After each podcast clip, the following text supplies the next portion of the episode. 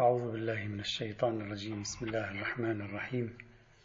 الحمد لله رب العالمين والصلاة والسلام على سيدنا ونبينا وحبيبنا محمد وعلى آله الطيبين الطاهرين. وصل بنا المطاف إلى آخر لقاءاتنا في هذه السلسلة من المحاضرات المتواضعة حيث استعرضنا نموذجا من نماذج التحليل التجريبي الديني لظاهرة الوحي والنبوة وهو نموذج آه، الدكتور عبد الكريم سروش ومسار تطورات نظرياته من بسط التجربة النبوية إلى نظرية الرؤية الرسولية. في هذا اللقاء سوف أتحدث عن لمحة عن المشهد النقدي لنظريات سروش في هذا الموضوع. لمحة. يعني سأخذ بعض العينات لأبرز الانتقادات التي طرحت أو يمكن أن تطرح وسأضعها تحت ثمانية عناوين. آه، حتى تكون لديكم لمحة أو صورة عن المشهد النقدي في هذا السياق. طبعا بعض هذه الملاحظات التي سوف أذكرها قالها بعضهم بعضها. قالها بعضهم وأنا طورته بعضها. لم يقل لم أجده عند أحد وإنما ذكرته إضافة. من جهة أخرى بعض هذه الانتقادات في رأيي وارد على سروش ويسجل عليه كملاحظة نقدية مقبولة لكن بعضها الآخر في تقديري يعني ليس قويا ويمكن لسروش أن يدافع عن نفسه تجاهه. سأعطي يعني لذلك ستكون هناك تنوع في نوعية الملاحظات التي سوف أذكرها حتى تكون صورة مشهد النقد جلية أمامكم. لكن قبل أن أبدأ اسمحوا لي أن أركز على فكرة كثير من الذين ليس لهم يعني اطلاع معتد به على المشهد الثقافي الشيعي والإيراني بالخصوص. تحدث لديهم تصورات ملتبسة. يعني هناك من يتصور أن الذين ينتقدون سروش في نظرياته هم الحوزويون أو هم الحوزات الدينية الشيعية سواء في قم أو في النجف. يعني يتوقعون أن رجال الدين هم الذين ينتقدون سروشا فيما يتعلق على الأقل في موضوعنا هنا هذا المشهد غير صحيح. سروش تم انتقاده هنا ليس من قبل رجال الدين فحسب بل من قبل رجال الدين وغير رجال الدين من قبل تيارات فكرية مختلفة بل بعض أهم الانتقادات على سروش في نظرياته حول القرآن جاءت من قبل التيارات المعروفة بتيارات الإصلاح الديني آه، في الوسط الشيعي وكذلك بتيارات الإصلاح السياسي. الصورة يعني أرجو أن تكون واضحة. ليس كما يتصور بعض الناس كل شخص ينتقد سروش إذا فهو حوزوي أو هو يعني من مناخ الحوزات العلمية وبالتالي هناك مواجهة بين الحوزة وسروش. القضية ليست كذلك دائما. في بعض الأحيان نعم لكن في موضوعنا هنا القضية ليست كذلك. خصوم سروش هنا بعضهم أقرب المقربين إليه وأقرب المقربين إلى فكره وأقرب الناس إلى منهجه في التفكير والذين يوافقونه في الكثير من نظرياته الأخرى. هنا أصروا على أن يكونوا منتقدين له بأشد الانتقادات يعني أقصد بأدق الانتقادات وأكثرها جدية. على أي حال سأذكر ثمانية مداخلات نقدية أساسية أو سأضع. ما سأذكره من مداخلات نقدية ضمن ثمانية عناوين. العنوان الأول نقد الارتباطات بين الإيمان والفهم الجديد للوحي. لاحظ غير واحد من الباحثين هنا أن سروش مهد لنظريته في بسط التجربة النبوية بدعوى كما إذا تذكرون. قال أن الإيمان يحتاج دوما إلى تجديد وتجديد الإيمان يكون عبر تجديد مكونات الإيمان. والتجديد في مكونات الإيمان يكون عبر قراءة جديدة دائما. هذه الفكرة يرى النقاد هنا يعني عندما تجعلها كمدخل لنظريتك يرى النقاد هنا أنها تعاني من مغالطات. أبرزها. أولا إن القول بأن القديم بما هو قديم خطأ والجديد بما هو جديد صحيح. آه، ليس ليس صحيحا. كذلك القول بأن القديم بما هو قديم صح. والجديد بما هو جديد خطأ. ليس صحيحا. كلا كل هذه من المغالطات المنطقية المعروفة في علم المنطق التطبيقي. لا الجديد لأنه جديد يكون صحيحا ولا القديم لأنه قديم يكون صحيحا. لا الجديد لأنه جديد يكون خاطئا وللقديم لأنه قديم يكون خاطئا. هذه مغالطات منطقية تعرض لها المناطق المعاصرون أيضا فيما يعرف بعلم المنطق التطبيقي. هذا ألف. باء. الإيمان بما هو إيمان ليس مربوط بفهم الإيمان. نعم وعيك للإيمان مرتبط بفهم الإيمان مرتبط بقراءتك للإيمان. أما الإيمان فهو عبارة عن حالة غير مربوطة ب آه، يعني بالفهم. نعم لا يعني ذلك أنها لا علاقة لها بالفهم بل الإيمان بما هو إيمان هو حالة قلبية تكون عند الإنسان. نعم أن مستوى وعيك بإيمانك هذا يحتاج إلى عملية فهمية. جيم تجديد النظر في قضية ما لا يساوي استنتاج فهم جديد. يعني سروش قال لابد أن نجدد النظر في الوحي وبالتالي نخرج بنتائج جديدة. لا. تجديد النظر في أي قضية لا يعني أننا سوف نخرج باستنتاج جديد لها ولا تجديد النظر في أي قضية يعني سوف نخرج باستنتاج قديم. أبدا. بل قد يكون تجديد النظر ينجر لتأكيد نظرية سابقة ولا يؤدي إلى نظرية جديدة. خلاصة هذه المداخلات الثلاث التي تقع ضمن هذا العنوان نقد الارتباطات بين الإيمان والفهم الجديد للوحي. خلاصة ما يريده النقاد هنا أن سروش وضعنا في فكرة أن محاولته تجديد النظر تفرض علينا إعادة إحياء الإيمان بطريقة جديدة في عصرنا الحاضر وهذا غير صحيح.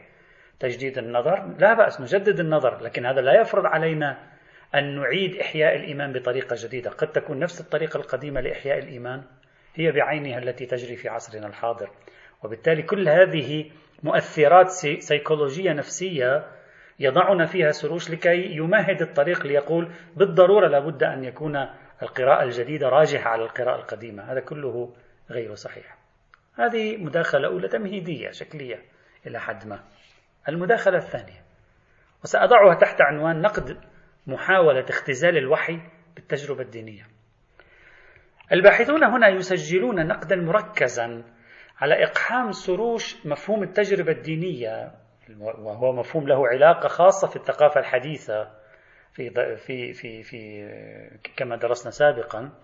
يعني يركزون نقدا هنا على أن سروش أقحم فكرة التجربة الدينية في قضية الوحي. وهذا خطأ كبير. يعتبرونه خطأ كبير. يعني إقحامك عندما تريد أن تدرس الوحي إقحامك مفهوم التجربة الدينية في عملية دراسة الوحي من الأول هذه عملية خاطئة لماذا؟ لأنهم يرون أن سروش عندما يجري قوانين التجربة الدينية بمعناها السائد اليوم على النبوة فهو بشكل أو بآخر يخرج البعد المعرفي للوحي يعني المضمون المعرفي الذي جاء به الوحي يخرجه عن أن يكون جزء من الرسالة الواصلة إلى النبي لماذا؟ لما قلنا سابقا إذا تذكرون لأن المضمون المعرفي سيكون تفسير النبي للوحي. مش أنه متضمن في الوحي. تفسير النبي للوحي هو المضمون المعرفي للوحي. قلنا سابقا التجربة بما هي تجربة لا تتضمن معرفة. تفسير التجربة هو الذي يقوم بعملية إنتاج معرفة. إذا التجربة تجر إلى معرفة من حيث إن تفسيرها يجر إلى معرفة. لا أنها بعينها تتضمن معرفة. عندما يقول سروش بأن النبوة نريد أن نضع عليها مظلة مفهوم التجربة الدينية بما له من دلالة خاصة في العصر الحديث هذا معناه من وجهة نظر بعض النقاد أن البعد المعرفي للوحي خرج عن أن يكون جزءا من الوحي ومن الرسالة ودخل في تفسير النبي للوحي. يعني النبي لم يتلقى معرفة من الله نحن تلقينا معرفة من تفسير النبي لما ارتبط بينه وبين الله وحصل بينه وبين الله. لهذا النقاد ماذا يقولون هنا؟ يقولون نقل الوحي من نطاق التواصل المعرفي أنا بتواصل معرفيا معك باخذ منك معلومات تعطيني معلومات. نقل الوحي من نطاق التواصل المعرفي بين النبي وبين الله إلى نطاق التجربة بمفهومها الحديث يفضي إلى أن النبي لم يتلقى معرفة إضافية من مصدر منفصل وهو الله. هو لم يتلقى معرفة معناه بل هو واجه شيئا ثم فسر هذه المواجهة بأمر معرفي أخبرنا به عبر النص النص الديني كالقرآن مثلا. لاحظت كيف؟ يعني هذه مداخلة على أصل الدخول في عملية تفسير الوحي في سياق مشروع نظرية التجربة الدينية. أصلا من الأول هذا كله خاطئ. طبعا هذا لا يعني أن التجربة الوحيية ليست تجربة دينية هي تجربة دينية. لكن كل تجربة وحيية تتضمن مواجهة مع الغيب. نعم هي تجربة دينية لأن كل تجربة وحي هي عبارة عن علاقة مع الله أو مع الملائكة أو مع الغيب. إذا كل تجربة وحيية تتضمن مواجهة مع الغيب. إذا فتتضمن تجربة دينية. لكن هذا لا يعني أن التجربة الوحية هي فقط تجربة دينية. هذه عملية الاختزال الخاطئة التي قام بها سروش وأمثاله من الذين آمنوا بأن الوحي هو تجربة دينية. يعني بعبارة أخرى دعوني أبسط الأمر. بعبارة أخرى التجربة الوحيية أو التجربة النبوية تتضمن تجربة دينية لكنها لا تساوي التجربة الدينية. أكبر من التجربة دي. هي تجربة دينية زائد إفاضة معرفية استفاضة معرفية. أخذ شيء من طرف آخر هو صاحب العلاقة في التجربة الدينية وهكذا. طيب إذا كان الأمر كذلك النقاد يكملون إذا كان الأمر كذلك هنا يقولون لسروش لم تقدم لنا يا سروش أي دليل على أن التجربة الوحيية مختزلة في التجربة الدينية؟ مع أن هذا هو أساس نظريتك. ولم تكلف نفسك في أن تقوم بالبرهنة على ذلك. من قال لك أن الوحي هو تجربة دينية وكل بعد معرفي فيها ناتج عن تفسير النبي للتجربة؟ من أين هذا أثبته؟ خاصة وأن من النتائج البالغة الخطورة لنظرية سروج في بسط التجربة النبوية أنه اعتبر ما بعد النبي الخاتم توجد تجارب مكملة. من هنا سروج عندما اختزل الوحي بالتجربة الدينية سمح لنفسه بإقحام التجارب العرفانية في أنها مواصلة للتجارب النبوية بمعنى من المعاني. وهذه المغالطة الأكبر التي وقع فيها من دون دليل أو برهان. كان يفترض بالسروش في الحد الأدنى من وجهة نظر نقاده أن يعترف أن التجربة الوحيية تجربة غامضة غير منكشفة لنا. كيف أستطيع أن أجزم أنا أن هذه التجربة محض تجربة دينية؟ هذه التجربة الوحيية تجربة غامضة غير واضحة لنا. مجرد وجود تجارب عرفانية عند البشر لا يؤكد أن التجربة الوحيية هي من نوع التجارب العرفانية وانتهى الأمر. ما الدليل على ذلك؟ إذا حجر الزاوية هذا هو الذي جر السروش إلى استبعاد حضور الله في التجربة الروحية الوحيية اللي هو أكده في نظرية الرؤية الرسولية. لأن سروش ماذا فعل؟ اعتبر أن الله فقط حاضن لعملية التجربة وليس طرف في العلاقة. الله حاضن للتجربة. في نظرية الرؤية الرسولية الله حاضن للتجربة. ولا التجربة بين من ومن؟ بين النبي ومنامه. وما يواجهه في المنام. الله ليس طرف في العلاقة في علاقة التجربة النبوية. في نظرية الرؤية الرسولية. هو حاضن للتجربة. يعني دخول سرو إدخال سروش التجربة النبوية في سياق التجربة الدينية من الطبيعي أن يجره إلى مثل هذه النتائج التي لا دليل عليها أصلا في هذا السياق. من هنا الخلل المركزي الذي وقع فيه سروش والعديد من المنتصرين لنظرية التجربة الدينية في فهم نظرية الوحي والنبوة هو من وجهة نظر النقاد هو أن سروش قاس الوحي في الإسلام على الوحي في المسيحية. وقع في كل هالأخطاء. في الإسلام الوحي يعني كتاب لغة ألفاظ هذا هو جوهر الوحي ومضمونه في الإسلام. هو المحور في رسالة في الرسالة. القرآن هو المحور. بينما في المسيحية الكتاب ليس أساسا. التجلي الإلهي لم يكن في كتاب. الله لم يتجلى لم يوحي كتابا إلى عيسى. أنا هذا الأمر ذكرته أكثر من مرة في العديد من المحاضرات المتفرقة. عندما تتناقش أنت مع مسيحي أنت تفترض أن الله أنزل الوحي على عيسى ووحيه هو عبارة عن الإنجيل. لكنك ستفاجأ إذا لم تكن لديك خبرة باللاهوت المسيحي. ستفاجأ أن المسيحي سيقول لك لا يوجد وحي يا عزيزي. لا يوجد شيء نزل على عيسى. مثل ما أنت تقول بالنسبة إلى محمد. أنه نزل عليه وحي وبالتالي أخذ هذا الوحي وراح أخبر الناس بهذا الوحي. ما في شيء من هذا القبيل الله لم ينكشف لعيسى فأعطاه معلومات فجاء عيسى وقال أخبرني الله بهذه المعلومات كما حدث مع محمد. الله انكشف لمحمد فأعطاه الكتاب فذهب وأعطى الكتاب للناس ونقل لهم لتبين للناس ما نزل إليهم. التجلي الإلهي الانكشاف الإلهي في المسيحية وقع في عيسى نفسه. عيسى نفسه انكشاف الله. يعني الله انكشف للبشر بظهوره في عيسى.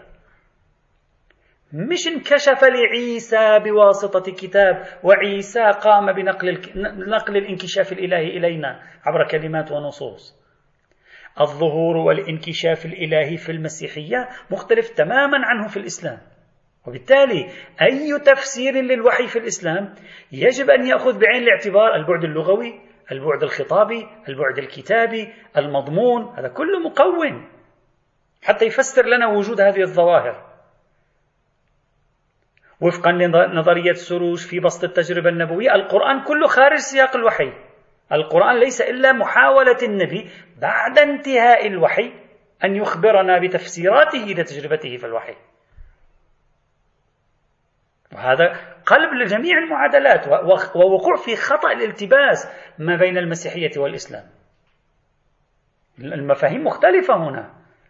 مفهوم الكلام مفهوم التكليم الإلهي مفهوم الخطاب والحوار بين الله والنبي هو جزء لا ينفصل عن الوحي في منظومة الإسلام.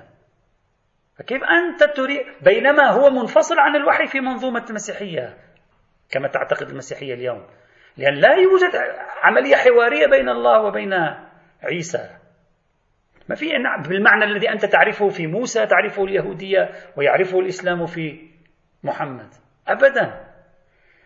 حيث إن مفهوم الكلام والتكليم ومفهوم الخطاب والحوار والإنزال والتنزيل والترتيل والحديث حديث الله له وما شابه ذلك جزء لا ينفصل عن الوحي في منظومة الإسلام يجب علينا أن نفهم الوحي ونطلق أي نظرية في فهم الوحي في الإسلام لتحلل النشاط الخطابي لله لتحلل النشاط الكلامي لله. وما فعله سروج أصلا ألغى وجود نشاط خطابي وكلامي لله. وجعل الوحي ليس إلا عملية داخلية نبوية والكلام وكلام محمد عمليا. لذلك هو في سنة 2008 خرج باستنتاج مكمل لنظريته وهو أنه لا يوجد كلام لله سبحانه وتعالى وإنما هو وحي. ولذلك فيما بعد في الرؤية الرسولية أكمل وقال أصلا حتى ما في خطاب بين الله لا معنوي ولا لفظي وإنما هي علاقة منامية.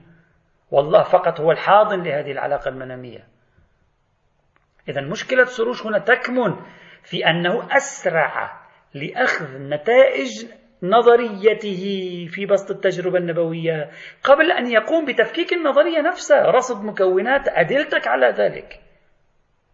وأعتقد أن السبب في ذلك أن سروش كان مستعجل أن يصل إلى النتائج الهرمنوطيقية التي يريدها.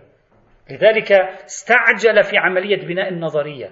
وإلا ما دليلك على أن الوحي الذي حصل مع محمد وقع على شاكلة تجربة نبوية تجربة دينية بالمعنى الحديث لكلمة تجربة. وأن كل مضمون معرفي وكل خطاب هو ناتج هذه التجربة وليس حقيقة هذه التجربة. لا دليل. لم يكلفنا بدليل. إذا المداخلة الثانية كما قلت أضعها تحت عنوان عريض نقد محاولة اختزال الوحي بالتجربة الدينية. وأنه لا دليل على ذلك بل هذا لا ينسجم مع مقومات النص القرآني الذي أنت بصدد تفسير حقيقته. طيب المداخلة الثالثة. نقد الشواهد القرآنية لسروش في بسط التجربة النبوية. سروش في بسط التجربة النبوية إذا, إذا, إذا تذكرون أعزائي استشهد بآيتين الآية 114 من سورة طه وقل رب زدني علما والآية 32 من سورة الفرقان كذلك لنثبت به فؤادك. يعني نزلناه يعني بالتدريج لنثبت به فؤادك. النقاد هنا قالوا العجيب أن سروش في هاتين الآيتين ليست فقط لا يستطيع أن يستفيد منهما لتأكيد نظرية بسط التجربة النبوية بسط التجربة بل على العكس الآيتان على عكس ما يريد. وذلك أولا آية طلب زيادة العلم أصلا لا تنسجم إطلاقا مع مفهوم التجربة الدينية. لأن كما قلنا التجربة الدينية لا تعطي بما هي تجربة علما. فلما يقول قل رب زدني علما ويكون هذا العلم إذا الله يفيض عليه علما. فيضان العلم من الله على محمد هذا لا علاقة له بمفهوم التجربة الدينية لأن مفهوم التجربة لا يتضمن علما ولا يتضمن معرفة. العلم والمعرفة يأتي بعد التجربة. فهذه الآيات لا تد... آية لا تدل على زعم سروج بل على العكس. إذا كان وقل رب زدني علما مرتبطة بالوحي فإن معنى ذلك أن الوحي يتضمن جانبا معرفيا. وبالتالي ليس هو تجربة دينية محضة. إذا كون العلم يأتي من الوحي أمر منسجم أكثر مع فكرة الوحي الكلامي الذي يتضمن حقائق تنزل على النبي. أكثر مما ينسجم مع تجربة أكثر وقدرة وطاقة أكبر وما شابه ذلك من الكلام الذي قاله سرور. أما آية الآية 32 من سورة الفرقان تثبيت الفؤاد. كان على سروج أن يكملها. لأن ماذا قالت؟ كذلك لنثبت به فؤادك ورتلناه ترتيلا. طيب رتلناه ترتيلا. قال النقاد هنا إن هذا مرتبط بقضية الكلام الترتيل إذا الفعل الكلامي من أين جاء؟ من الله. فهو يقول له بأننا نزلنا القرآن بشكل تدريجي وقمنا بترتيله. فهذه الفكرة منسجمة مع الفعل الكلامي أكثر من غيره. طبعا نحن في يعني في في في الدورة الأولى من محاضرات نزول اللفظ والمعنى والقرآن توقفنا كثيرا عند مفهوم الترتيل وارتباطه بموضوع الفعل الكلامي. لا أريد أن أتدخل هنا. إذا المداخلة الثالثة الشواهد القرآنية التي ذكرها سروش في بسط التجربة النبوية شواهد. إن لم نقل بأنها على عكس نظريته فلا أقل بأنها لا تسعف نظريته. المداخلة الرابعة وهي مهمة جدا أيضا. إشكالية قياس غير العادي على العادي. الإشكالية الأخرى أيضا التي سجلها النقاد على سروش هنا تكمن في أنه في مختلف مقارباته لقضية الوحي وضع مصادرة مسبقة اعتبرها بديهية أصلا لم يتعب نفسه بالاستدلال لها وهذا غريب. يعني كل دراساته حول الوحي وضع مصادرة مصادرة هنا عندما نقصد كلمة مصادرة بالمعنى الحديث يعني أخذ مفروض قبلي بديهي أصلا ما استدل عليه اعتبره مثل واضح يعني. رماه وراء ظهره وبنى عليه. كان المفروض يعطينا دليل عليه. ما هي هذه المصادرة الخفية الموجودة في داخل تحليل سروش للوحي؟ هو أن التجربة النبوية تشابه سائر تجارب البشر. هذه هي المصادرة شو معنى هذا الكلام؟ يعني أنا إذا أردت أن أحلل التجربة النبوية ماذا أفعل؟ أدرس تجارب البشر خاصة تجاربهم الدينية. تجاربهم الشعرية تجاربهم العاطفية. أدرس تجارب البشر وحللها. أخرج باستنتاج أن التجربة النبوية تتمتع بنفس هذه الخصائص التي في تجارب البشر. وعليه أرتب نتائج. طيب لم يثبت لنا سروش أساسا أن التجربة النبوية تجربة عادية من نوع مشابه لسائر تجارب البشر في حياتهم. أعطيني دليل أنت شو كيف عرفت؟ كيف عرفت أن هذه التجربة يوجد لها نظائر وأشباه في تجاربنا؟ كيف تعرف؟ ما نحن بصدد تحليلها لابد من فرض شخص نبي قام بتجربة أمامك أعطاك معلومات فتستطيع من تجربته أن تأخذ تجربة نبي آخر. لكن أنت غير النبي. كيف تعرف تجربة غيره؟ ما أستطيع. لأن في احتمال أن هذه التجربة استثنائية. يعني الأصل الأول لنظرية سروش معاق وعاجز. مثلا على سبيل المثال سروش تحدث عن أن صاحب التجربة فاعل وليس قابل. مش مجرد قابل فاعل له فاعلية. الوحي تابع له. التجربة تأخذ شكلها بسبب حالته ووضعه. من كيف قارب هذا الموضوع؟ قدم لنا على ذلك دليلا. شو هو الدليل؟ قانون التشابه. بين التجربة النبوية والتجربة الشعرية. حيث أن الشاعر يصبح أكثر شاعرية بالتجربة إذا فالنبي يصبح أكثر نبوة بالتجربة. ورتب على ذلك نتائج. إذا تذكرون استعان بابن خلدون التمييز بين المكي والمدني. هذا النوع من المنطق متأثر بالنموذج الكانتي يقول النقاد. عمانويل كانت. لأن كانت يعتبر ولا أريد أدخل في في هذا في موضوع كانت أن الذهن ليس منفعلا في المعرفة. هذه من من من من القضايا المهمة في الفلسفة الكانتية. الذهن ليس منفعل مش أنه الذهن تيجي أشياء من الخارج وهو بيتلقاها مثل كأنه هو صفحة تلتصق عليها أنت عم تطبع على ورقة. الذهن عند كانت فاعل هو المنتج ليس فقط متلقن. طيب السؤال هنا في ظل هذه الذهنية الكنطية كيف عرف سروش أن التجربة النبوية تشابه في عناصرها ومكوناتها التجارب البشرية على مختلف الصعد حتى يسمح لنفسه بأن يعطي التجربة النبوية أحكام تلك التجارب. إذا لم تخبرنا التجربة النبوية عن نفسها كيف أستطيع أن أعرف؟ هذا شيء غير واضح بالنسبة لنا. هذه هي نف... هذه الإشكالية في الحقيقة لو تأملتم بها اللي سجلها بعض النقاد هنا على سروج هذه الإشكالية في الحقيقة هي نفس المعركة التي دارت في العمق بين المتكلم وكل من العارف والفيلسوف. المتكلم اعتبر أن الوحي إذا بتتذكروا هذا الكلام قلناه سابقا في المحاضرات الأولى المتكلم اعتبر أن الوحي ظاهرة استثنائية لا نعرف شبيها لها حتى نقوم بتفسيرها على معاييرنا. لهذا ماذا فعل؟ اكتفى بشرحها. من خلال ماذا؟ من خلال توليفة المعلومات الواصلة إليه عنها. من التاريخ من نفس النص الديني. بينما الفيلسوف والعارف ماذا فعل؟ ذهب لتفسيرات أبعد من ذلك. المتكلم دائما كان يكرر هذه الملاحظة في ثنايا كلماته أو في ما وراء سطوره. وهو كيف تعرفون أيها الفلاسفة والعرفاء أن التجربة النبوية الوحيية حصلت على هذه الشاكلة التي أنتم تدعونها كيف عرفتم أنه هكذا كانت؟ ليست هناك فرضية أخرى. كيف عرفت أنه اتصل بالعقل الفعال ممكن يكون فرضية أخرى. خارج السياق هذا. الأمر عينه هنا نفس هذا الشكل من المعركة بين المتكلم من جهة والفيلسوف والعارف من جهة أخرى في تقديره هو بعينه نفس المعركة التي وقعت هنا بين سروش وبين خصومه. سروش ذهب إلى عملية تحليل وتفسير بينما خصومه قالوا له أنت كيف عرفت؟ أن ما يحدث معنا من تجارب يمكن إجراء قوانينه على التجربة النبوية. والمفروض أنها تجربة استثنائية لم تحدث في حياة البشر إلا نادرا. واحد على, على, على عشرات المليارات. إذا تحسب مجموع الأنبياء عبر التاريخ مع مجموع البشر عبر التاريخ. واحد على عشرات المليارات يمكن يكون. مثلا لا أدري. وبالتالي نحن نتكلم عن شيء نادر استثنائي.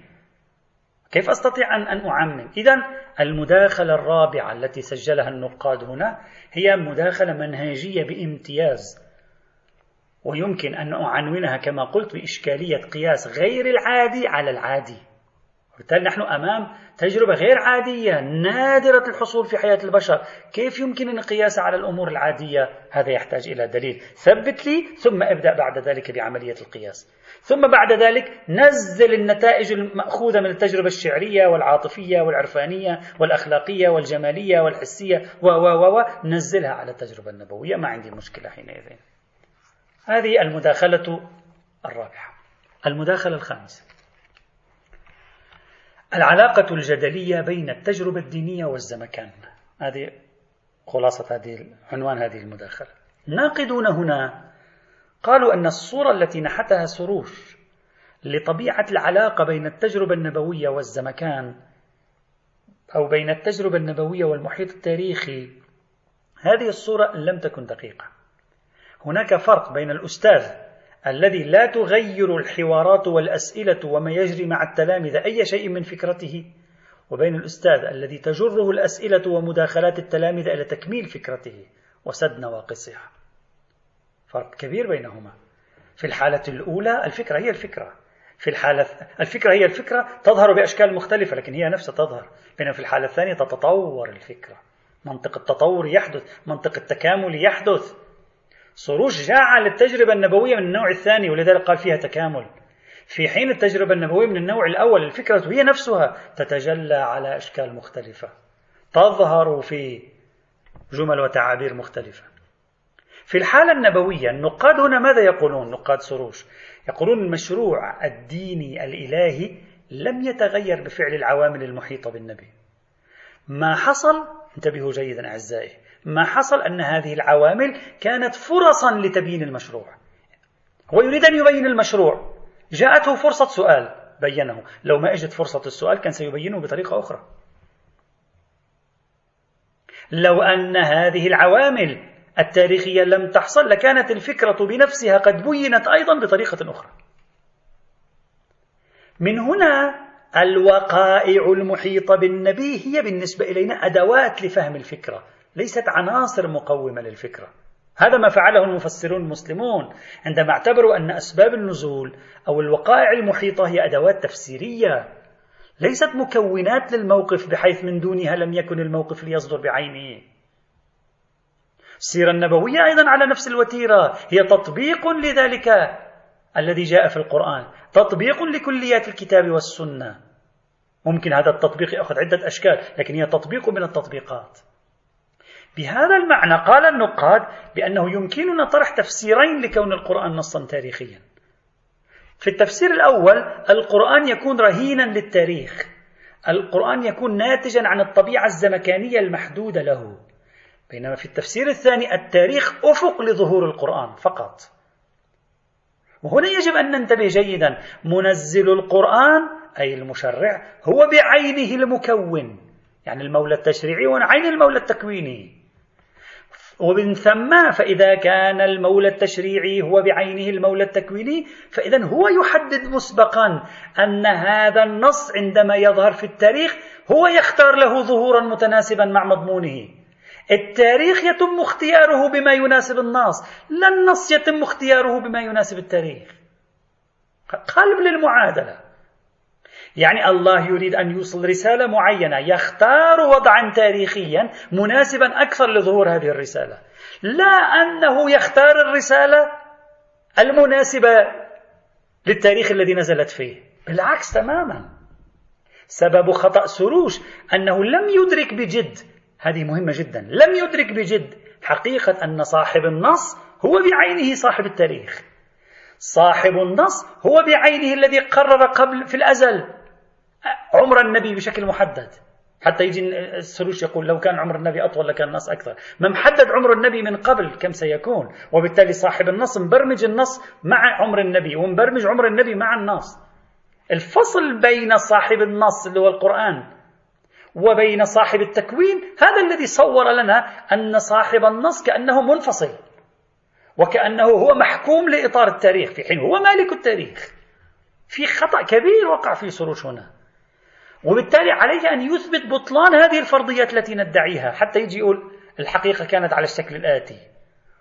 من قال له أن القضية على هذا الشكل الذي يطرحه؟ بالعكس تماما. وبالتالي العلاقة الجدلية بين التجربة الدينية والزمكان موجودة لكنها علاقة جدلية لا تغير المحتوى الرسالي. بل هي تمثل أفق, أفق مناسب لظهور المحتوى الرسالي. بل لعله أنسب الأفق لظهور المحتوى الرسالي. هذه هي الفكرة الموجودة في هذا السياق. طيب إذا صار عندنا حتى الآن كم مداخلة نقدية؟ مجموعة مداخلات نقدية. أولا نقد الارتباطات المدعاة بين الإيمان والفهم الجديد للوحي. ثانيا نقد محاولة اختزال الوحي بالتجربة الدينية. ثالثا نقد الشواهد القرآنية التي طرحها سروش في بسط التجربة النبوية. رابعا إشكالية قياس غير العادي على العادي. خامسا العلاقة الجدلية بين التجربة الدينية والزمكان. سادسا المداخلة السادسة نظرية الرؤية الرسولية وعقلانية المشروع. هذا عنوانها. الرؤية الرسولية تواجه معضلة كبيرة. يمكن أن يطلق عليها اسم معضلة عقلانية المشروع. القرآن بحد نفسه يقول أنه بيان تبيين تبيان نور إلى آخره. السؤال هنا أي عاقل هذا يطلق مشروعا يريد من خلاله كما يقول سروشا تغيير العالم ويقتصر فيه على نقل مناماته فحسب. كيف يا ترى يمكن أن يكون قد بين مضمون مشروعه؟ الآن اترك فكر بحرية فكر بحرية. حرية كاملة. أي مشروع هذا؟ في واحد بالعالم عنده مشروع بيجي يقول أنا صار معي منامات؟ الله سبحانه وتعالى الذي يرعى هذا المشروع كما يقول سروش في الرؤية الرسولية. أي برنامج خارق هذا يكون قد رعاه. تصوروا معي أن مشروعا بحجم المشروع النبوي يريد إخراج الناس من الظلمات إلى النور ثم يأتي ليطرح عليهم مجموعة ضخمة من مناماته ورؤاه دون أن يخبرهم حتى بأنها منامات. ولا عندنا نص بقول أنها منامات. ودون أن ينتبه أحد لهذه القضية أنه منامات. منذ 1400 سنة. هذا الشخص كيف يكون قد حقق غاياته؟ هل يغير إنسان العالم بواسطة منامات يعرضها على الناس دون أن تحمل مشروعا؟ وإذا تحمل المشروع كيف تحمل المشروع والعجيب الغريب أنه لم يتعب نفسه بتعبير هذه المنامات للناس في يوم من الأيام. لم يقل هذا منام ترى وتعبيره كذا وكذا. بل بالعكس عندما كان يقول هذا المنام إذا صح التعبير كان يعتبر أن مضمون المنام مطابق للواقع مش يحتاج إلى تعبير. الشمس شمس. والقمر قمر. مش كان يحتاج إلى تعبير. أي مشروع هذا؟ الأمر الآخر الذي يبدو غريبا أيضا هو أن ما يذكره السروش يمكن أن نفهمه في سياق الصور المشهدية مثلا مشاهد الآخرة. ممكن واحد يشوف منام مشاهد الآخرة. قصص. هم أيضا ممكن يشوف قصص الأنبياء بداية الخلق آخر الخلق. لكن كيف تفهم التكاليف الشرعية؟ كيف تفهم الكلام الفكري المجرد؟ كلمات فكرية مجردة. طبعا لا يقصد هنا كيف نفهم حدوث منام فيه تكاليف شرعية. حتى يجي السروش ويقول لنا المنام يمكن أن يجري فيه الإنسان حوار بينه وبين نفسه أو بين أو يخلق هو صورة افتراضية في ذهنه. السؤال ليس هنا السؤال هذه المنامات تتضمن تكاليف قانونية وأخلاقية. 500 آية أحكام عندنا في القرآن بالحد الأدنى. وفي الوقت عينه هذه المنامات التي تتضمن تكاليف قانونية وأخلاقية لم تفهم في سياق منام. أخذت كما هي يعني بقيت تكاليف عندما قال أقيم الصلاة إجا النبي والمسلمين أقاموا الصلاة. يعني لم يقم النبي بتفسير أقم الصلاة بطريقة تعبير الرؤيا. أقم الصلاة أقم الصلاة. أقطع يد السارق أقطع يد السارق. الزاني والزانية والزاني فاجلدوا كل واحد منهما مئة جلدة يجلد كل واحد منهما مئة جلدة. إذا هذا ما معنى؟ معنى أن هذا النوع من النصوص غير المشهديات يعني غير الصور المسرحية المشهدية مثل مشاهد الآخرة بداية الخلق القصص القرآني اترك هذه.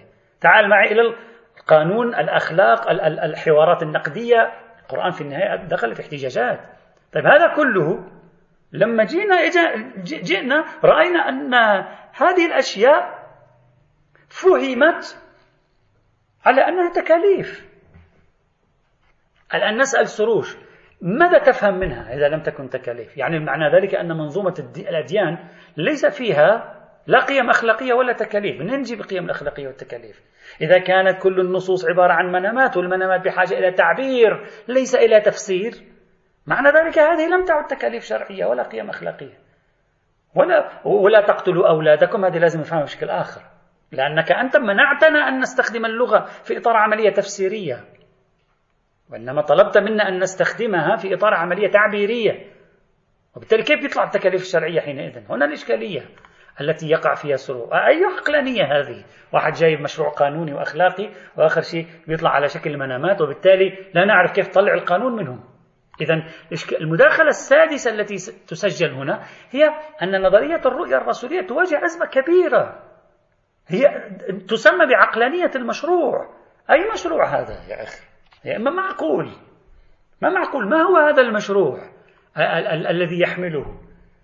وهو في كل ما قاله تقريبا النبي تقريبا النبي في غير القرآن هو موجود في القرآن. راح صلى هو نفسه أقيم الصلاة. هو هذا نفسه. يعني دعونا نكون واقعيين في التعامل مع مع الفرض مع القضايا. إذا هذه المداخلة السادسة. المداخلة السابعة. وسأضعها تحت عنوان الرؤية الرسولية وضعف شواهد الإثبات. قلنا أن سروش ذكر مجموعة من شواهد الإثبات رتبتها. أنا في حيني على شكل أربع خمس شواهد إثباتية. سنتوقف عند بعض ما قيل في بعضها. أن الوقت لم يعد يسمح لنا. أولا يبدو سروش في وجهة نظر أنه ليس خبيرا باللغة العربية بما يكفي لمعرفة أن الفعل الماضي يمكن توظيفه في المستقبل. واعتبر أحد الشواهد هو الماضي في المستقبل.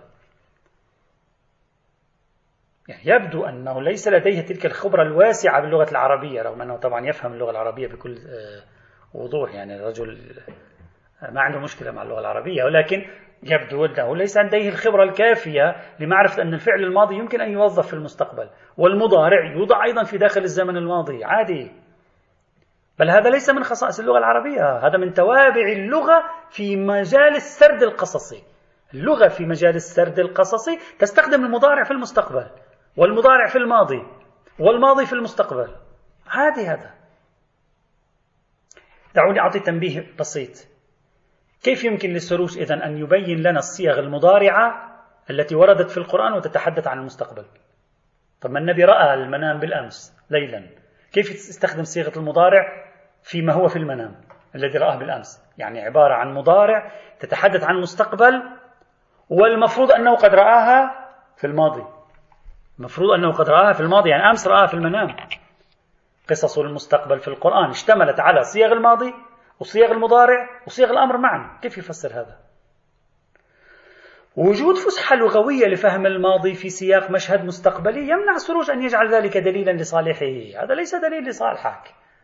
هذا له له مرجعية لغوية أيضا تجعله دليلا. ويصور لنا وكأنهم يعني عانوا في هذا الموضوع. لا يا حبيبي لا لم يعانوا. صحيح؟ لا دي موجودة في اللغة ولها تخريجات لغوية. حتى هذه القصة قصة سوق المؤمنين والكافرين إلى الجنة والنار اللي وردت في سورة الزمر وورد فيها استخدام الماضي وسيق الذين اتقوا ربهم. هذه السورة هذه القصة بعد ثلاث أربع آيات ختمت بقوله تعالى وترى الملائكة حافين من حول العرش يسبحون بحمد ربهم وقضي بينهم بالحق وقيل الحمد لله رب العالمين. طب قال وترى. لماذا لم يقل ورأيت الملائكة؟ وكان الملائكة حافين من حول العرش. هو نفس القصة. وكيف يمكن الربط بين المضارع والماضي داخل آية واحدة؟ ترى تراهم وقضي وقيل. كذلك مثلا مثال آخر في سورة فاطر الآية 37 ماذا يقول؟ يتكلم عن المشهد النار. يقول وهم يصطرخون فيها. يصطرخون فعل مضارع لازم يجب أن يقول وهم اصطرخوا فيها. ما في مشكلة. وهذا سهل جدا في اللغة العربية أن تتكلم بالمضارع وأنت تتحدث عن مشهد رأيته في الماضي وأن تتكلم بالماضي وأنت تريد مشهدا في المستقبل. هذا أولا. ثانيا موضوع البعثرة والتشظي في النص في النص القرآني طبعا هذا موضوع طويل جدا. لكن الشيء الذي يمكن. الذي يسجل على سروش هنا أن السروش تجاهل أن القرآن نزل خلال 23 سنة ولم يرتب بطريقة تاريخية. يعني هذه تجاهلها. وبالتالي لا أستطيع أن أجزم بأن بأن فكرة المنامات تحل مشكلة البعثرة ما دام يوجد فرضية أخرى وهي أن سبب البعثرة الموجودة عبارة عن 23 سنة ولم يرتب الكتاب ترتيبا. مثلا لم يوضع الكتاب لكي يكون كتابا علميا على شكل فصول. هذا الكتاب يا أعزائي الكتب الدينية مثل كتب الوع... مثل مثل الخطيب الذي يعظ ينتقل من قصة إلى قصة ويستطرد من موضوع إلى طبيعة الوعظ. تحتاج إلى مؤثرات من طبيعة الكتابة الوعظية من هذا النوع تختلف. أنا أنت راجع كتب بعض الأخلاقيين. وشوف كتب الفلاسفة تختلف. شوف كتب الأصوليين والفقهاء كيف منظمة وشوف كتب بعض الأخلاقيين أصحاب التجارب الأخلاقية كيف يتكلمون. ما, ما يتكلمون بنفس الطريقة فكيف إذا كان هذا الكتاب قد جمع لا بطريقة تاريخية؟ وجاء مجزأ قطعة قطعة نزل لم ينزل دفعة واحدة. كما أن فرضية المنامات تحل المشكلة إذا سلمنا فرضيات النزول التدريجي والطبيعة الوعظية للنص القرآني أيضا تحل المشكلة. وبالتالي إذا سلمنا بوجود بعثرة وتشظي في النص القرآني لا مرجح للتفسير الذي طرحه سروج على التفسير الذي يطرحه العلماء عبر التاريخ. بل تفسيرهم أقرب للمنطق التاريخي منه للتفسير يعني بين قوسين الغنوص الصوفي الذي قدمه لنا سروش مثلا. قد يقول الناقدون هذا. دائما طبعا أريد أؤكد دائما أنني عندما أطرح نظرية شخص أحب أن أطرحها كعادتي بطريقة توحي بتبنيها دائما. يعني بمعنى أننا نتفاعل معه وكأنه هو وكأننا ننطق باسمه. كذلك عندما نتحدث عن النقاد نتفاعل بنفس الطريقة. لا نقصد هنا لا الإهانة ولا الدفاع وإنما أن نفهم الفكرة بجدية بشكل تفاعلي. يعني نعيش تجربة مع عملية فهم الفكرة تجربة بمعنى الحديث. هذا أولا وثانيا. إذا أولا موضوع الماضي في المستقبل أو المضارع الماضي في المستقبل والموضوع الثاني البعثرة والتشظي الموضوع الثالث آيات التناقض. طبعا صرف النظر سروش تجاهل كل جهود العلماء في حل الآيات المتناقضة في القرآن. بجرة قلم واحدة حكم عليها بأنها واقعية. كل هذه التناقضات واقعية. هذا رأيه ربما هو يعني مقتنع بأن جميع هذه التناقضات واقعية. لكن هو ماذا فعل؟ اعتبر أن الحل هو المنام. نحن نسأل سؤال الآن. يعني من وجهة نظر الناقد يأتي هذا السؤال. إذا كان المنام يحتوي متناقضات كيف يفسر سروش هذه الآيات إذن؟ بحيث لا تحوي متناقضات. كيف؟ نفس العملية التي سوف يخوضها السروش لكي يبين أن هذا التناقض يؤول إلى عدم التناقض هذه العملية بنفسها ليست أقل مشقة من تفكيك التناقض الذي فعله العلماء أنفسهم. هذه عملية أيضا معقدة. طيب, طيب بماذا تفسر لي رؤية منام وما رميت إذ رميت ولكن الله رمى؟ أنت, أنت الآن عبر أعطيني تعبير. نفس الطريقة أنا ممكن أعطيك. هلأ هنا دعوني أقف قليلا عند هذه النقطة. لأنها مهمة جدا. ليس فقط في سروش في كثير من دراساتنا الدينية. واليوم باتت شائعة حتى على مستوى خطباء المنبر وحتى على مستوى الكتابات الدينية نأخذ مثال بسيط. يدل على أن السروش تأثر بالعقلية الفلسفية العرفانية في تناول النصوص فابتعد عن روح اللغة العربية. وهذا موضوع أنا كتبت عنه كثيرا. موضوع أننا في العصر الحاضر وتحت تأثير التفاسير العجمية للكتاب والسنة بدأنا نبتعد عن روح اللغة العربية. بل ماتت الروح الأدبية واللغوية العربية في الكثير من الأوساط في العصر الحديث. هذه قناعتي كتبت فيها أكثر من مقالة بإمكانكم مراجعتها. آية الرمي. نجي لآية الرمي. كمثال طرحه سرور قال تعالى في سورة الأنفال آية 17 فلم تقتلوهم ولكن الله قتلهم. وما رميت إذ رميت ولكن الله رمى. بتقديري الشخصي أنا دعوني أدخل كمثال. ذهنية الفلاسفة وبعض الفلاسفة وبعض المتكلمين وبعض العرفاء هي التي خلقت هنا مشكلة.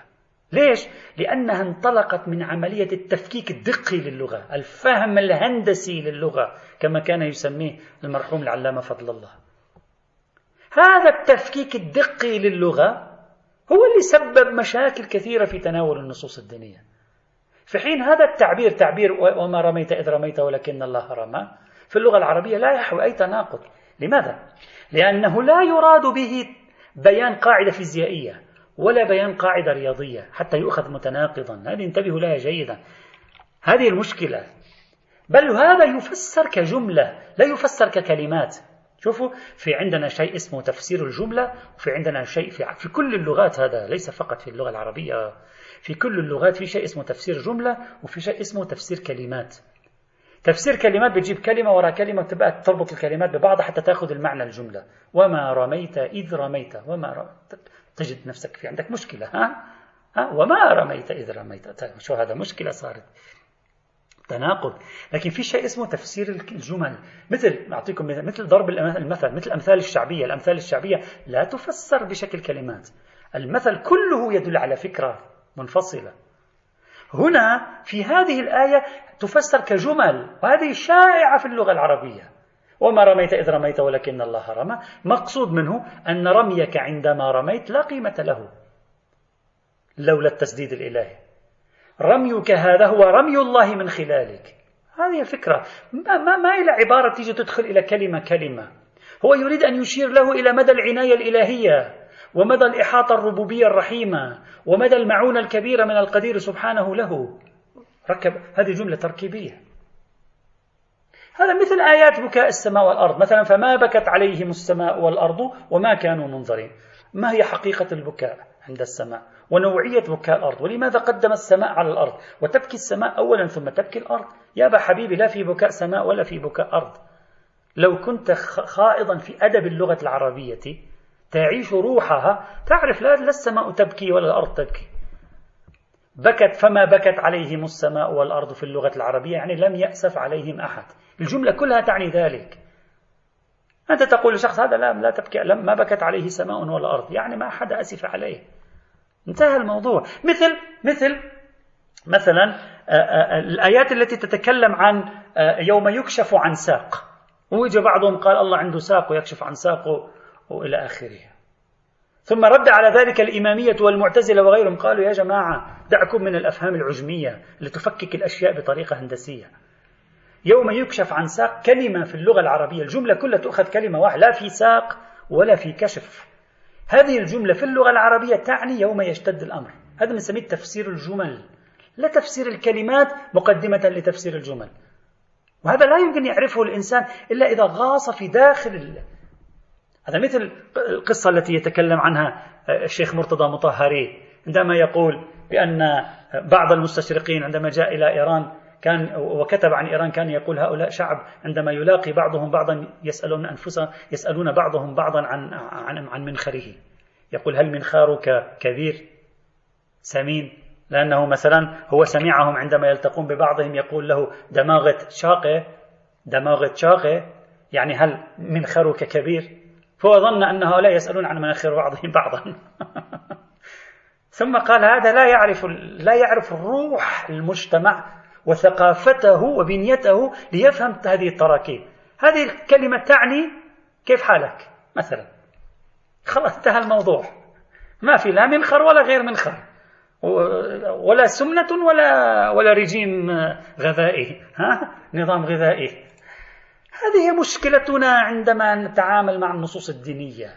العجمة البعد عن عفوية اللغة. من أكبر مشاكلنا حتى في العصر الحاضر أعزائي. أرجو الانتباه جيدا لهذا الموضوع. وبالتالي كثير من هذه المشاكل لا في تناقضات ولا شيء. الفيلسوف عندما جاء بطريقته الهندسية بعض المتكلمين أيضا تأثروا بذلك. العرفاء عندما جاءوا بدأوا يأخذون القضايا بشكل مثل هندسي وبالغوا في ذلك فافتعلوا مشكلة. وليس من مشكلة في تقديري. وليس من مشكلة في تقديري. في تقدير الشخص الطريقة التي لا تحمل روح اللغة العربية العفوية وهذه الطريقة التي وجدناها مع الأسف عند بعض الفلاسفة والمتكلمين والعرفاء حتى الأصوليين والفقهاء والمفسرين. هذه خلقت مشاكل. أنا دائما كنت أعطي هذا المثال. مثال رواية تقول مثلا واحد يسأل الإمام متى أصلي صلاة الأوتيرة؟ نافلة الأوتيرة. يقول له بعد العشاء الآخرة. يعني بعد صلاة العشاء. ها؟ طيب ثم الفقهاء استدلوا على ذلك بماذا؟ استدلوا على ذلك بأن أنت إذا جيت قبل الفجر و و و وصليت الوتيرة لا بأس يجزي. لماذا؟ لصدق البعدية. يصدق أنه بعد. يا حبيبي صدق البعدية هذا مفهوم فلسفي. خذ المفهوم العرفي. إذا أنا قلت لك سأزورك في البيت بعد العشاء الآخرة. بطرق الباب عليك الساعة 3 الصبح ويقول لك أنا يصدق البعدية يا عيني. ما في أحد يفهم هكذا. يجب أن تفهم روح التداول العرفي. هذا معنى اللغة العرفية التي نظر لها الفقهاء سواء عملوا بها أو ما عملوا بحث آخر. لكن حاول أن يكونوا مخلصين لها أكثر من غيرهم. أحيانا النص ليس فيه مشكلة. آلية الفهم المصابة بالعجمة تفتح المشكلة. وأنا في تقديري أن سروج وقع في هذه المشكلة. أو على الأقل حاول أن يوظف كل تلك الفوضى الجدلية التي سببها في وجهة نظر على الأقل. الفهم العجمي للنصوص المتأثر بالفلسفة اليونانية أحيانا بالطريقة الحادة في عملية تفسير النصوص أراد أن يوظفها في نظريته وإلا هي لا توجد مشكلة أصلا. هذه الشواهد للتناقضات. يجب أن نعيد النظر. طبعا أنا لا أريد أن أقول كل التناقضات تحل بهذه الطريقة انتبهوا جيدا. أقول جملة وافرة من هذه التناقضات تحل. نعم يبقى شيء ما. رابعا سروش في حديثه عن نسف السببية اختزل كل المواقف. طبعا موضوع الإعجاز والعلية وتوجد نظريات كثيرة. يعني كلها اختزلها ووضعها خلف ظهره. حقه؟ ربما لديه نقد له. ودون أن يبين أنه مثلا في فرضيات هنا في أطروحات هنا في قراءات هنا. الشيء الأغرب من ذلك أن السروش يعتبر نقد العلية بمعنى الضرورة. العلية بمعنى الرابطة الضرورية. هو منجز تجريبي يعني هو منجز العلوم التجريبية. ويبدو عليه يمتدح الأشاعرة أيضا في نقدهم العلية الضرورية. أنا شخصيا ترجمت مقالا لعبد الكريم سروش. نشر خريف عام 2005 للميلاد في مجلة نصوص معاصرة العدد الرابع تحت عنوان الكلام الإسلامي بين نزعة الاعتزال العقلية ومذهب الأشعرية التجريبية. هناك كان يبدو عليه شيء من المدح والميل للأشاعرة في هذا المنجز الكبير أنهم لم يقبلوا بالعلية الضرورية وكان يمتدح يقول شوف انتبهوا إلى المذهب التجريبي قبل هيوم بألف عام. لكن هنا يريد أن يعتبر أن أن نصوص الإعجاز تنقض قانون العلية في العالم الطبيعي. ويمكن القرآن لا يؤمن بقانون العلية بمعنى الضرورة في العالم الطبيعي. لماذا القرآن إذا أنكر قانون العلية بمعنى الضرورة في العالم الطبيعي؟ يعني هذا معناه أنه كتاب يجب أن نفسره على أنه منامات. أما هيوم إذا أنكر قانون العلية بمعنى الضرورة ديفيد هيوم إذا أنكر قانون العلية بمعنى الضرورة في في العالم الطبيعي لا يكون في مشكلة. أو لا نضطر إلى تفسيره بمنامات. أعتقد القضية لا تعالج بهذه الطريقة. خامسا الشواهد التاريخية والحديثية اللي استعان فيها سروش لتلطيف نظريته يبدو أنه تعاطى معها بطريقة غير مقنعة. مثلا هو قال من الشواهد التي ذكرها أنه بعض الروايات تقول أن المنام جزء من مثلا 46 جزءا من النبوة. هذه هذه الرواية لا تؤيد رأيك. بالعكس هذه تنسف رأيك. لماذا؟ لأن هذا الحديث يؤكد أن النبوة ليست مناما. هذا الحديث عندما يقول أن النبو المنام جزء من 46 جزء من النبوة معنى ذلك أن 45 جزء من النبوة ليست منام. كيف يريد سروش أن يستعين بهذا الحديث ليثبت أن كل وحي عبارة عن منام؟ في حين نفس الحديث الذي يقر بأن بعض الوحي منام لا يحصره بل يصرح بأنه ليس كله منام بل أغلبه ليس بمنام. يعني هذا انتقال من الجزء إلى الكل بل ومن الجزء إلى الكل ما شئت فعبر. أيضا مثلا قال النبي كان يغط في نوم. صحيح هذا وفقا للمعطيات التاريخية موجود. لكن سائر المعطيات التاريخية تؤكد أن التجارب النبوية في الوحي كانت متنوعة كما قلنا مرارا وهذا فيه بحوث كثيرة. وبعض بعض بعض المرويات التاريخية على المنبر نزل الوحي على النبي لا أغمي عليه ولا نزل نام على الدرج.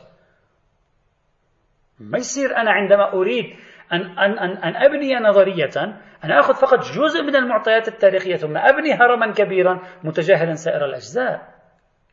ما الذي رجح هذا الجزء في عملية التفسير على سائر الأجزاء؟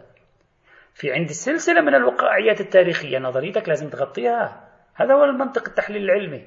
كيف يأخذ سروش جزءا من الوقائعيات الوحيية بانيا عليه نظريته ومتجاهلا سائر الأجزاء والمعطيات التي تصلح هذه الأجزاء الأخرى والمعطيات التاريخية الأخرى تصلح لنسف نظريته إذا أراد أن يجعلها تفسيرا شاملا للوحي.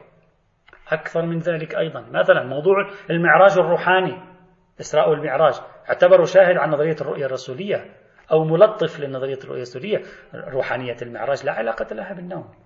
من يقول بروحانية المعراج لا يقول النبي نام وشاف منام. كلنا من كلنا كلنا عندنا عروج على الحال. كل واحد مننا شاف نفسه طالع في السماء. القضية أبعد من ذلك بكثير. كثير ناس شافت نفسها في المنام في الجنة مع النبي أو ما شابه ذلك. قضية أبعد من ذلك. روحانية المعراج مفهوم. ويدرك سروش أنه أبعد بكثير من فكرة المنامات. كيف يريد أن يجعل هذه الفكرة بمثابة؟ شاهد على فكرة المنام. وإلا على هذا الحال ينبغي على سروش أن يقول كل مكاشفات العرفاء منامات. وعلينا أن نفسرها بطريق تعبير الرؤية لا بطريق التحليل المتعارف لها.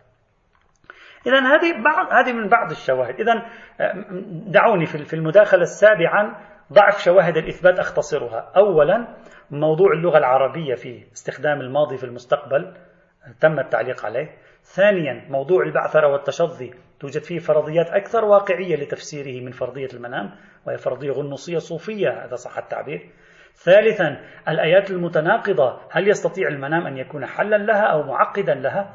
وإشكالية الفهم العجمي للكثير من الآيات هو هي هي التي هو الذي سبب آه، آه، آه، ظهور التناقض فيما ذكره سروش من بعض الآيات.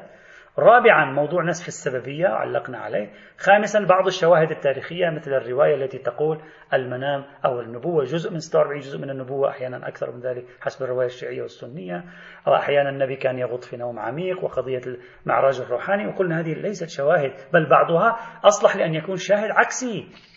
استخدمه سروش بهذا المعنى. الإشكالية أو المداخلة الثامنة وهي المداخلة الأخيرة في هذا الصدد وهي مهمة. بالنسبة إلينا.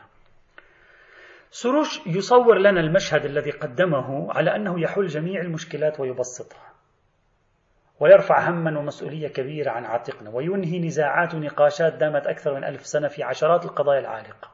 وقديش أتعبوا أنفسهم جهدوا أنفسهم كذا خلاص نحن بالمنام نحل كل هذه المشاكل. هل حقا بالمنام تحل مشكلة فهم القرآن؟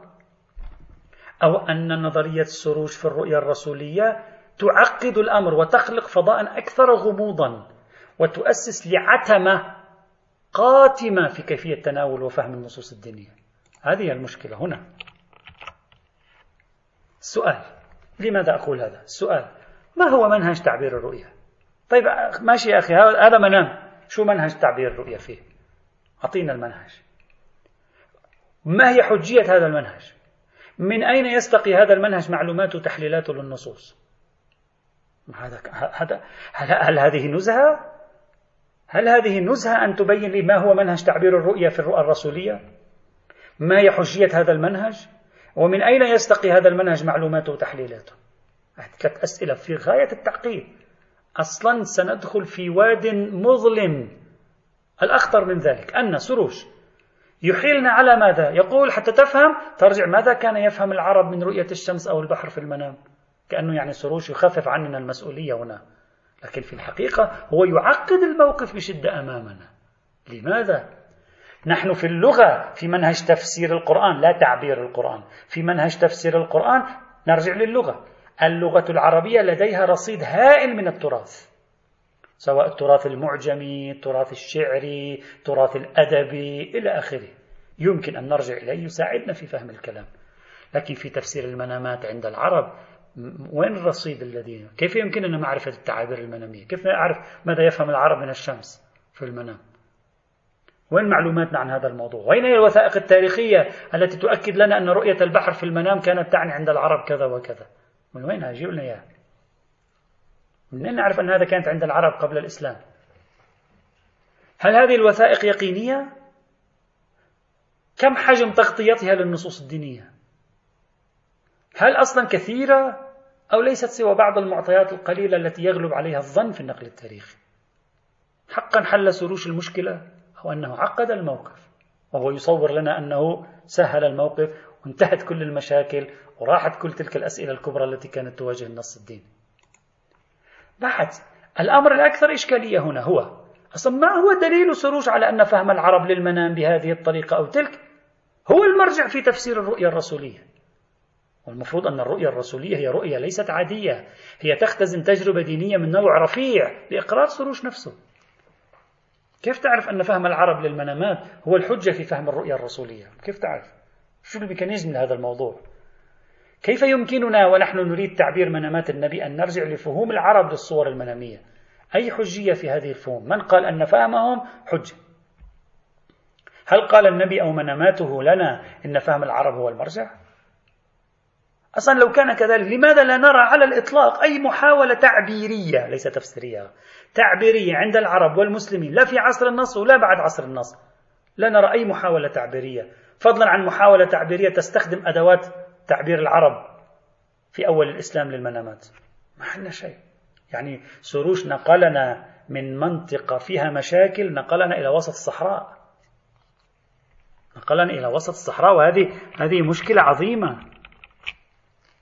بل أكثر. دعونا نذهب أبعد من نظرية سروش. أصلا نحن نسأل سروش لماذا نذهب إلى فرضية المنام؟ خلينا نقول ما في منام. نذهب مباشرة إلى الخيال. نقول النبي كان النبي يجلس ولديه خيال خاص. خيال رفيع ويجلس ويتعمق في خياله يرسم صور خيالية ثم ينقلها للناس. لا هو رأى من آمن ولا هي تعبير منامية. هي صناعات خيالية ابتكارية لمشاهد القيامة وأول العالم وآخر العالم وقصص الأنبياء وبالتالي علينا استخدام منهج جديد. ما هو؟ منهج تفسير الخيال.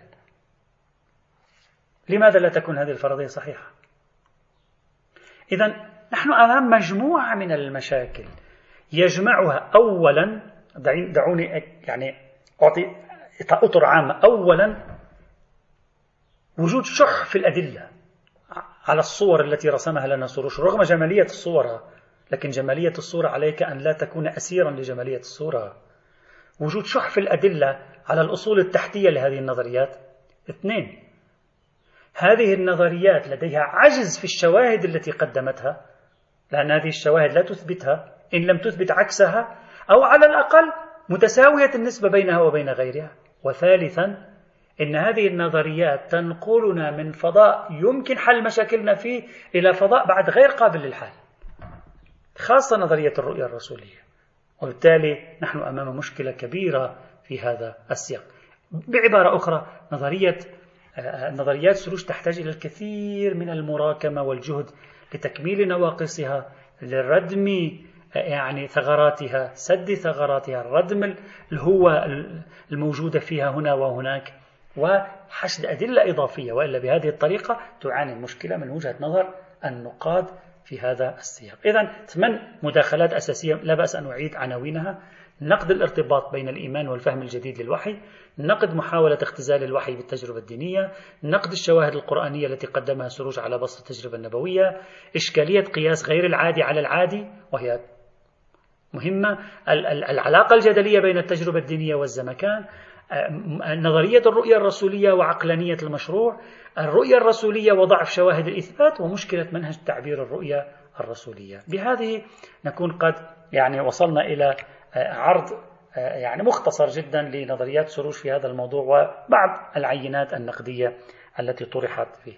من هنا نكون قد عرضنا مجموعة من الاتجاهات في تفسير حقيقة الوحي والنبوة. الاتجاه الأول الاتجاه الكلامي الاتجاه الثاني الاتجاه الفلسفي تارة بشقه المشائي وأخرى بشقه الصدرائي. الاتجاه الثالث هو عبارة عن الاتجاه العرفاني الاتجاه الرابع هو عبارة عن القراءة النفسية أو الاتجاه النفسي والعصبي الاتجاه الخامس هو عبارة عن الاتجاه الاجتماعي سوسيولوجي والاتجاه السادس وهو الاتجاه التجريبي آه، الديني في هذا الإطار. هذا ما يمكننا أن يعني الوقت داهمنا. أكتفي بهذا القدر. هناك الكثير من الموضوعات المتصلة بقضية الوحي لم يعد يسمح لنا الوقت بذلك. بعضهم بعض الإخوة سألوني بعد الدرس أحيانا وفي في فيما أرسلتموه لي في الإيميل أيضا أنه ما هو رأيك أنت في في هذا الموضوع؟ لا أريد أن أدخل في في رأي نهائي وأفصل رأيي أبحث في هذا الموضوع لأننا هنا بصرت عرض نظريات لكنني من الناس الذين يميلون إلى فكرة التواضع المعرفي. والظاهرة النبوية ظاهرة غير عادية. الظاهرة النبوية ظاهرة غير عادية في الحد الأدنى على الإنسان أن لا يكون مستعجلا في تحليلها. وإذا لم يكن مستعجلا في تحليلها ممكن حينئذ أن يكتشف أن الكثير من هذه النظريات أقرب إلى الترجيحات الأولية أو أقرب إلى آه، يعني الجمالية الصورة واتساق الصورة وإلا فالبت العلمي بطريقة أكاديمية دقيقة للانتصار لنظرية من هذه النظريات يحتاج إلى الكثير من التفكير كثير من هذه الشواهد التي ذكرها فلان هنا وهناك. لا تبدو مقنعة. آه، في الوقت عينه تثري الأفكار بشكل كبير جدا. هذه النقطة. النقطة الأخرى التي أريد أن أختم بها أيضا بعض الإخوة راسلني أيضا خلال الأسبوع وسألني عن أنه لماذا هذه النظريات كلها؟ لماذا دائما نحن نذهب إلى اليونان ونذهب إلى الفلسفة ونذهب إلى الفكر الحديث نفسر القضايا الدينية. هذا هذا هو نحن لا نذهب إليهم. هم طرحوا أفكارا. بعض الناس في أوساطنا تأثرت بهذه الأفكار وهذا حقهم يعني. وطرحوا هذه الأفكار وعلينا ان نتعامل معها بأريحية وبطريقة علمية، قد نوافق عليها، قد نرفضها، قد نوافق على جزء منها، قد نرفض جزءا منها، هذا شكل طبيعي. آه، أما أما أن نتجاهل كل هذه النظريات ونقول والله أنا أرجع إلى آه، مثلا آه، رواية وردت في هذا الموضوع أو أو أو أرجع إلى آية وردت في هذا الموضوع، هذا لا يمكن أن يكون مقنعا في المجال الأكاديمي لأن هذا المنهج لأن الرجوع إلى آية أو رواية هو هو منهجك أنت الذي تختار أنت فيه النظريات. لكن الآخرون ليس هذا منهجهم وبالتالي عليك أن تدخل حوار حقيقي ومعرفي مع المدارس الفكرية المختلفة وتلاحظ التنوعات المنهجية. وهذا أمر ليس واجبا علينا نحن فقط واجب على الجميع على جميع الأطياف آه، في هذا السياق. آه، أكتفي بهذا المقدار آه، المختصر جدا وأعتذر عن آه، يعني أي خطأ يمكن أن يكون ورد ربما أكون أخطأت في تحليل معين في مقاربة معينة. أتمنى أن تكون هذه السلسلة قد وضعتكم أمام تصور مشهدي معين مفيد في دراسة قضية إشكالية كبيرة ومهمة في عصرنا الحديث. وأتمنى أن تفتح أمامكم آفاقا في التفكير والدراسة والتأمل أكثر مما تخلق مشكلة. الانفتاح على آفاق فكرية جديدة في البداية يخلق في الإنسان مشكلة لأن الإنسان غير مأنوس مثل عندما تضع حجرا صغيرا في داخل بركة راكدة. نعم ستحدث ارتجاجات لكن فيما بعد هذه البركة عندما تكون لديها القدرات الكافية ونتيجة خبراتها المتوالية تستطيع أن تهدئ هذه الارتجاجات لتجعل الإنسان بعد فترة يفكر بطريقة أعمق وأفضل وأدق إن شاء الله تعالى. والحمد لله رب العالمين.